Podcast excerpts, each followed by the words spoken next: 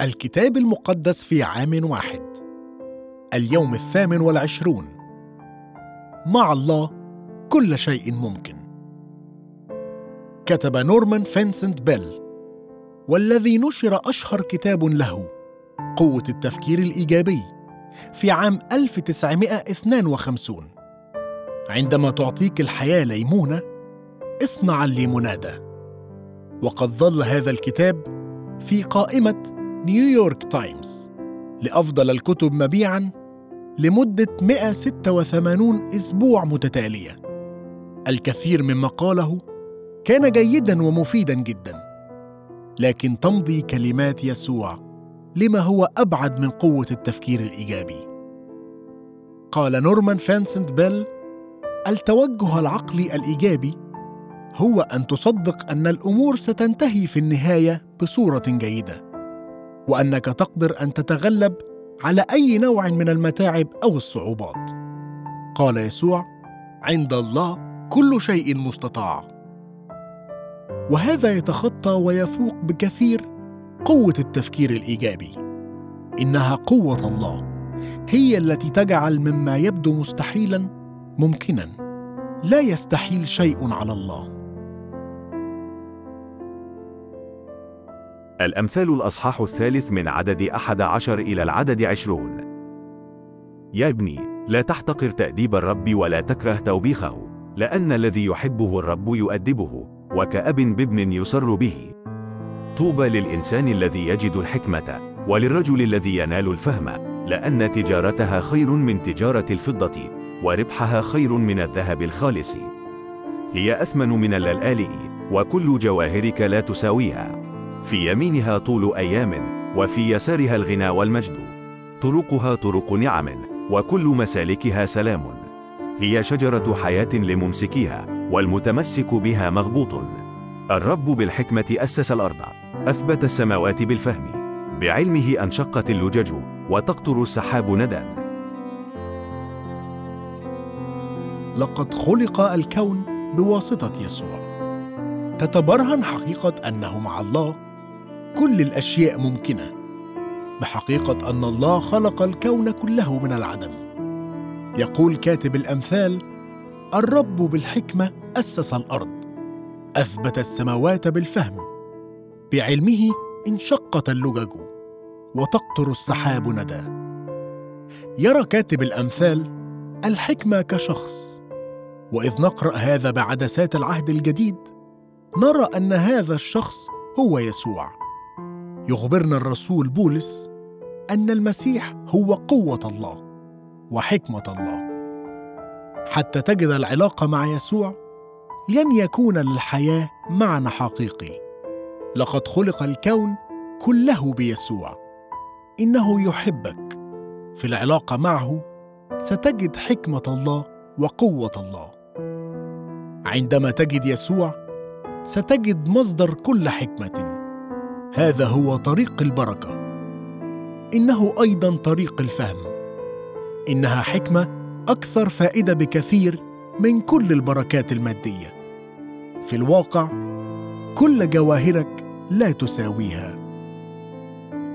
هذا هو الطريق إلى الحياة الطويلة والتي هي الحياة الأبدية في العهد الجديد.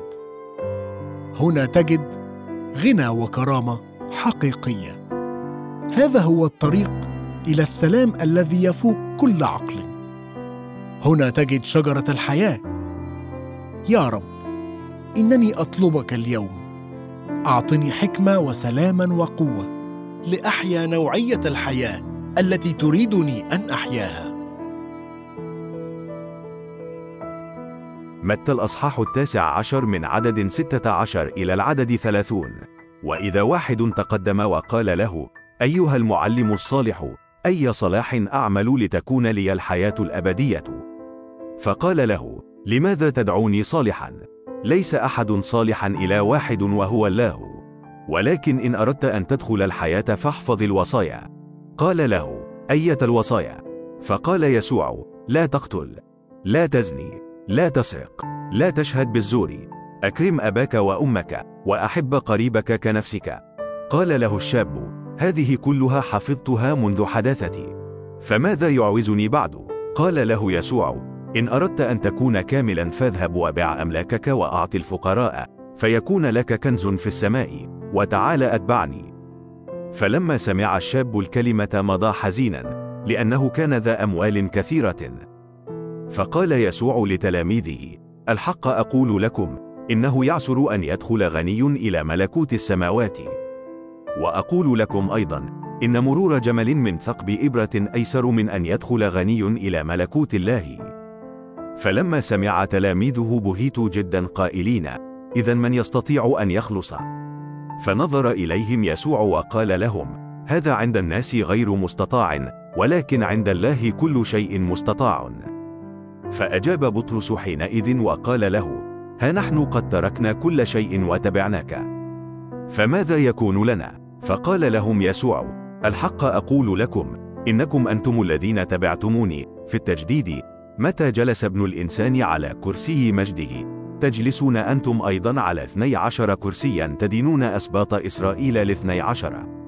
وكل من ترك بيوتا أو إخوة أو أخوات أو أبا أو أما أو امرأة أو أولادا أو حقولا من أجل اسمي يأخذ مئة ضعف ويرث الحياة الأبدية. ولكن كثيرون أولون يكونون آخرين وآخرون أولين. مع الله لا شيء مستحيل.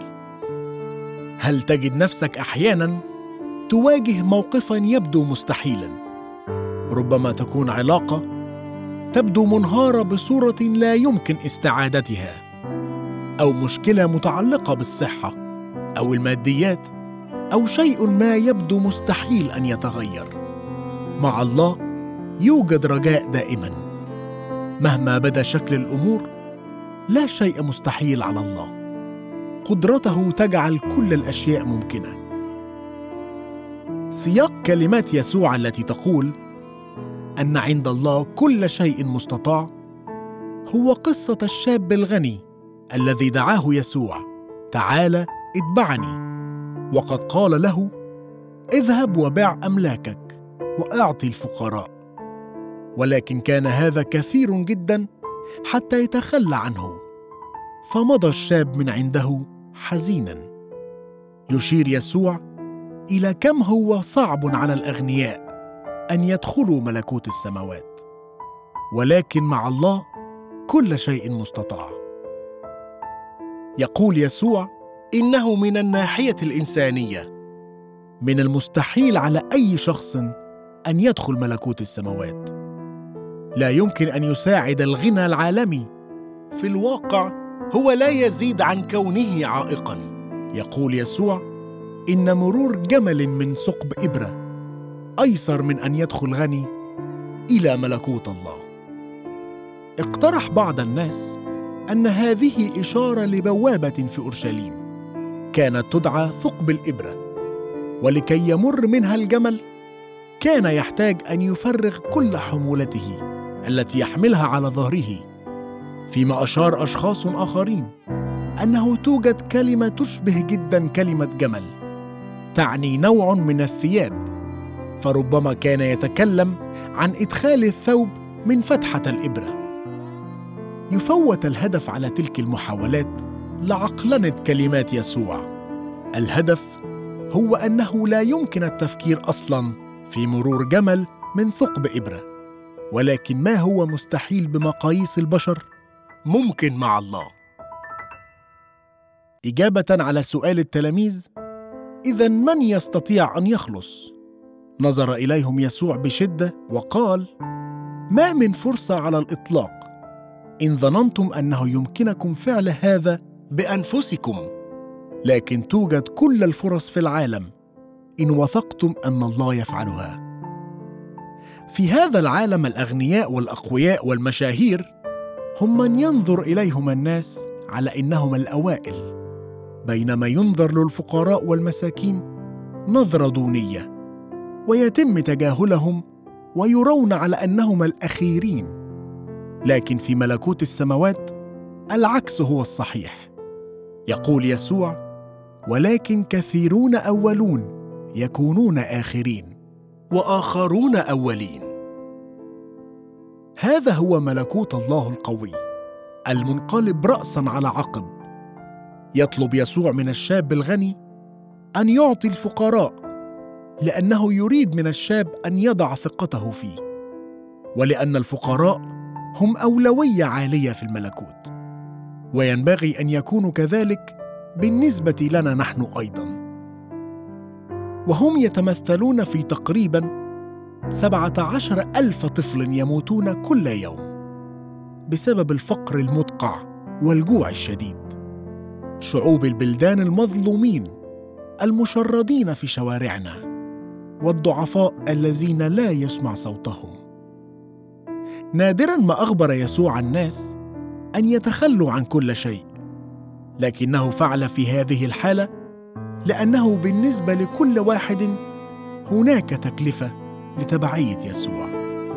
توجد تكلفة لتكون مستعدا أن ترفع رايته في عالم معاد له. هناك ما قد يبدو تكلفة التخلي عن الأشياء التي نعرف أنها خطأ. ايا كانت التكلفة فهي لا شيء بالمقارنة مع التكلفة التي دفعها يسوع ليجعل الحياة الأبدية ممكنة بالنسبة لك. وهي لا شيء بالمقارنة بتكلفة عدم اتباع يسوع. لقد أخطأ الشاب الغني وفاته الأمر تماما. والأكثر أنها لا شيء بالمقارنة بما تناله. وكل من ترك بيوتا أو إخوة أو أخوات أو ابا أو اما أو امرأة وأولادا أو حقولا من أجل اسمي يأخذ مئة ضعف ويرث الحياة الأبدية. يعد يسوع أنه مقابل كل شيء تتخلى عنه. ستأخذ أكثر بكثير. في هذه الحياة وبصورة أكثر أهمية بكثير. في الأبدية مع يسوع. ساعدني يا رب. لكي أكون مستعدا أن أقدم كل شيء أملكه لأجل خاطر ملكوت الله. أشكرك لأن أعظم غنى وأكثره دواما واستمرارية يأتي من تبعية يسوع.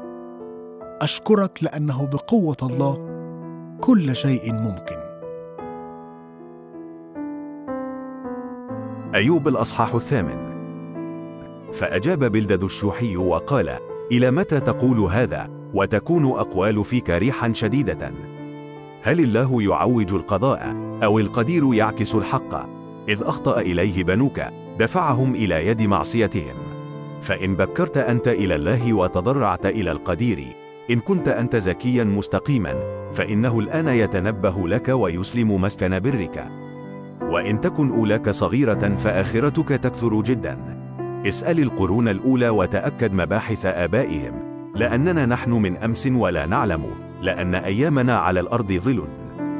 فهل لا يعلمونك يقولون لك ومن قلوبهم يخرجون أقوالا قائلين هل ينمو البردي في غير الغمقة أو تنبت الحلفاء بلا ماء؟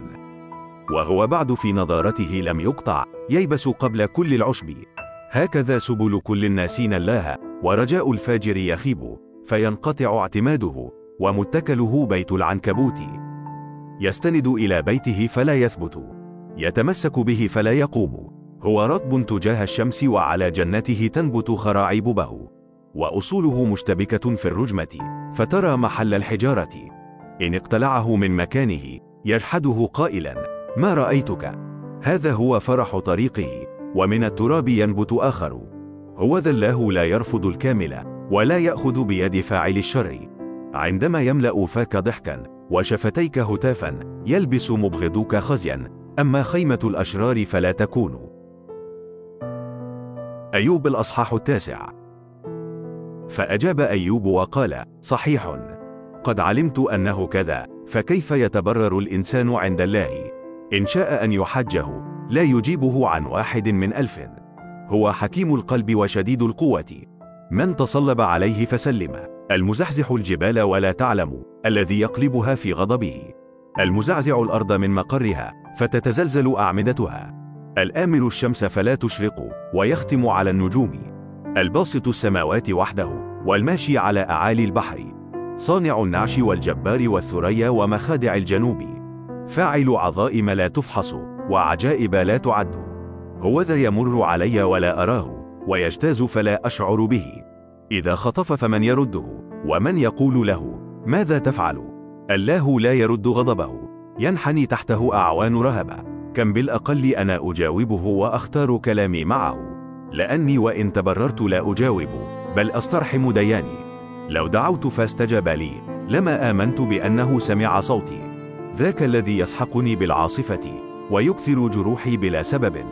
لا يدعني آخذ نفسي. ولكن يشبعني مرائر. إن كان من جهة قوة القوي يقول ها أنا ذا. وإن كان من جهة القضاء يقول من يحاكمني؟ إن تبررت يحكم علي فمي. وإن كنت كاملا يستذنبني. كامل أنا. لا أبالي بنفسي. رذلت حياتي. هي واحدة. لذلك قلت إن الكامل والشرير هو يفنيهما. إذا قتل الصوت بغتة يستهزئ بتجربة الأبرياء. الأرض مسلمة ليد الشرير يغشي وجوه قضاتها وإن لم يكن هو فإذا من؟ أيامي أسرع من عداء تفر ولا ترى خيرا. تمر مع سفن البردي كنسر ينقض إلى قنصه إن قلت أنسى كربتي أطلق وجهي وأتبلج.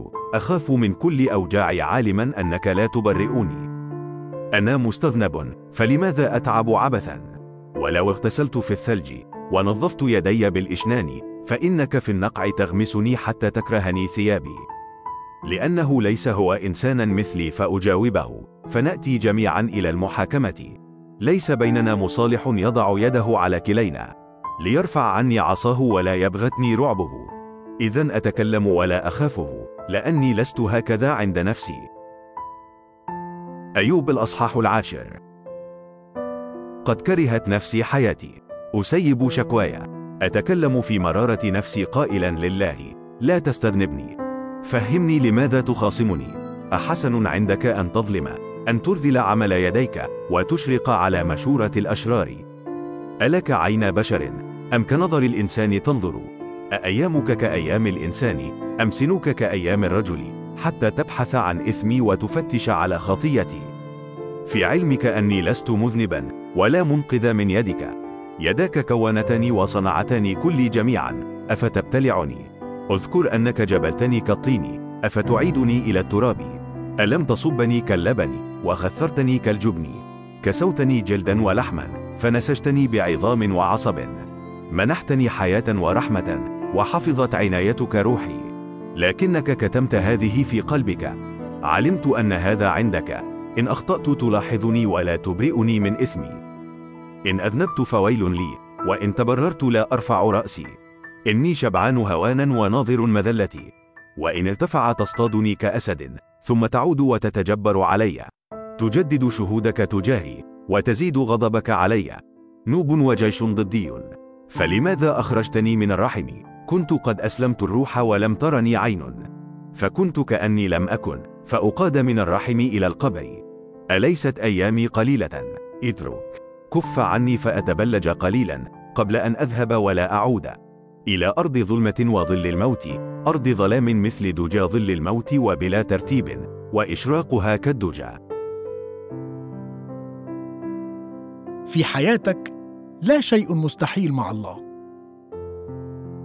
أحيانا عندما نرى معاناة الآخرين يكون من المغري أن نخرج بتفسيرات تخلو من المعنى. في نصيحة صديق أيوب بلدد. نرى خليط غير عادي من الحق وأنصاف الحق والزيف الكامل. وعندما يجيب أيوب صحيح قد علمت أنه كذا فكيف؟ بكلمات أخرى يشير إلى أن بعض مما قاله بلدد كان صحيحا ولكن ليس كله. ويرفض تفسيره الأجوف لمعاناته. تعد كلمات أيوب أكثر جدارة بالثقة بكثير فهي تأتي من القلب وهو يصرخ لله بل أسترحم دياني. كان يتمنى لو لم يكن قد ولد أصلا وهو يعترف بصراعاته وشكوكه وحتى غضبه مما يحدث معه فيقول قد كرهت نفسي حياتي. أسيب شكواي. أتكلم في مرارة نفسي. ولكن وسط كل هذا يعترف أنه لا شيء يستحيل على الله. يقول أيوب هو حكيم القلب وشديد القوة. من تصلب عليه فسلم. المزحزح الجبال ولا تعلم. الذي يقلبها فيغضبه. فاعل عظائم لا تفحص وعجائب لا تعد. منحتني حياة ورحمة وحفظت عنايتك روحي. يوجد هنا خليط عجيب من الصراعات الامينه والإيمان. لا يحاول أيوب أن يتظاهر بأن كل شيء على ما يرام أو أنه يستطيع تفسير الوضع لكنه خلال كل شيء كان يتعلق بما يعرفه عن الله. كان الله قادرا أن يحقق في حياة أيوب ما كان مستحيلا بالجهود البشرية. فقد رد الله كل ثروات أيوب وبارك الرب آخرة أيوب أكثر من أولاه وكان له أربعة عشر الفا من الغنم وستة آلاف من الإبل وألف زوج من البقر. وألف آتان.